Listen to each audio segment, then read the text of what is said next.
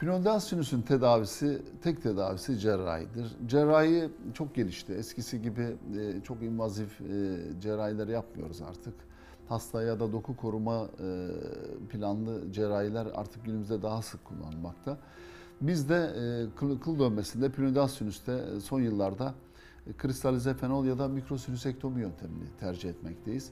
Hastayı muayene ettikten sonra hangisi uygunsa ona yönelik tedavi seçiyoruz ama kıl dönmesinin tedavisi cerrahidir.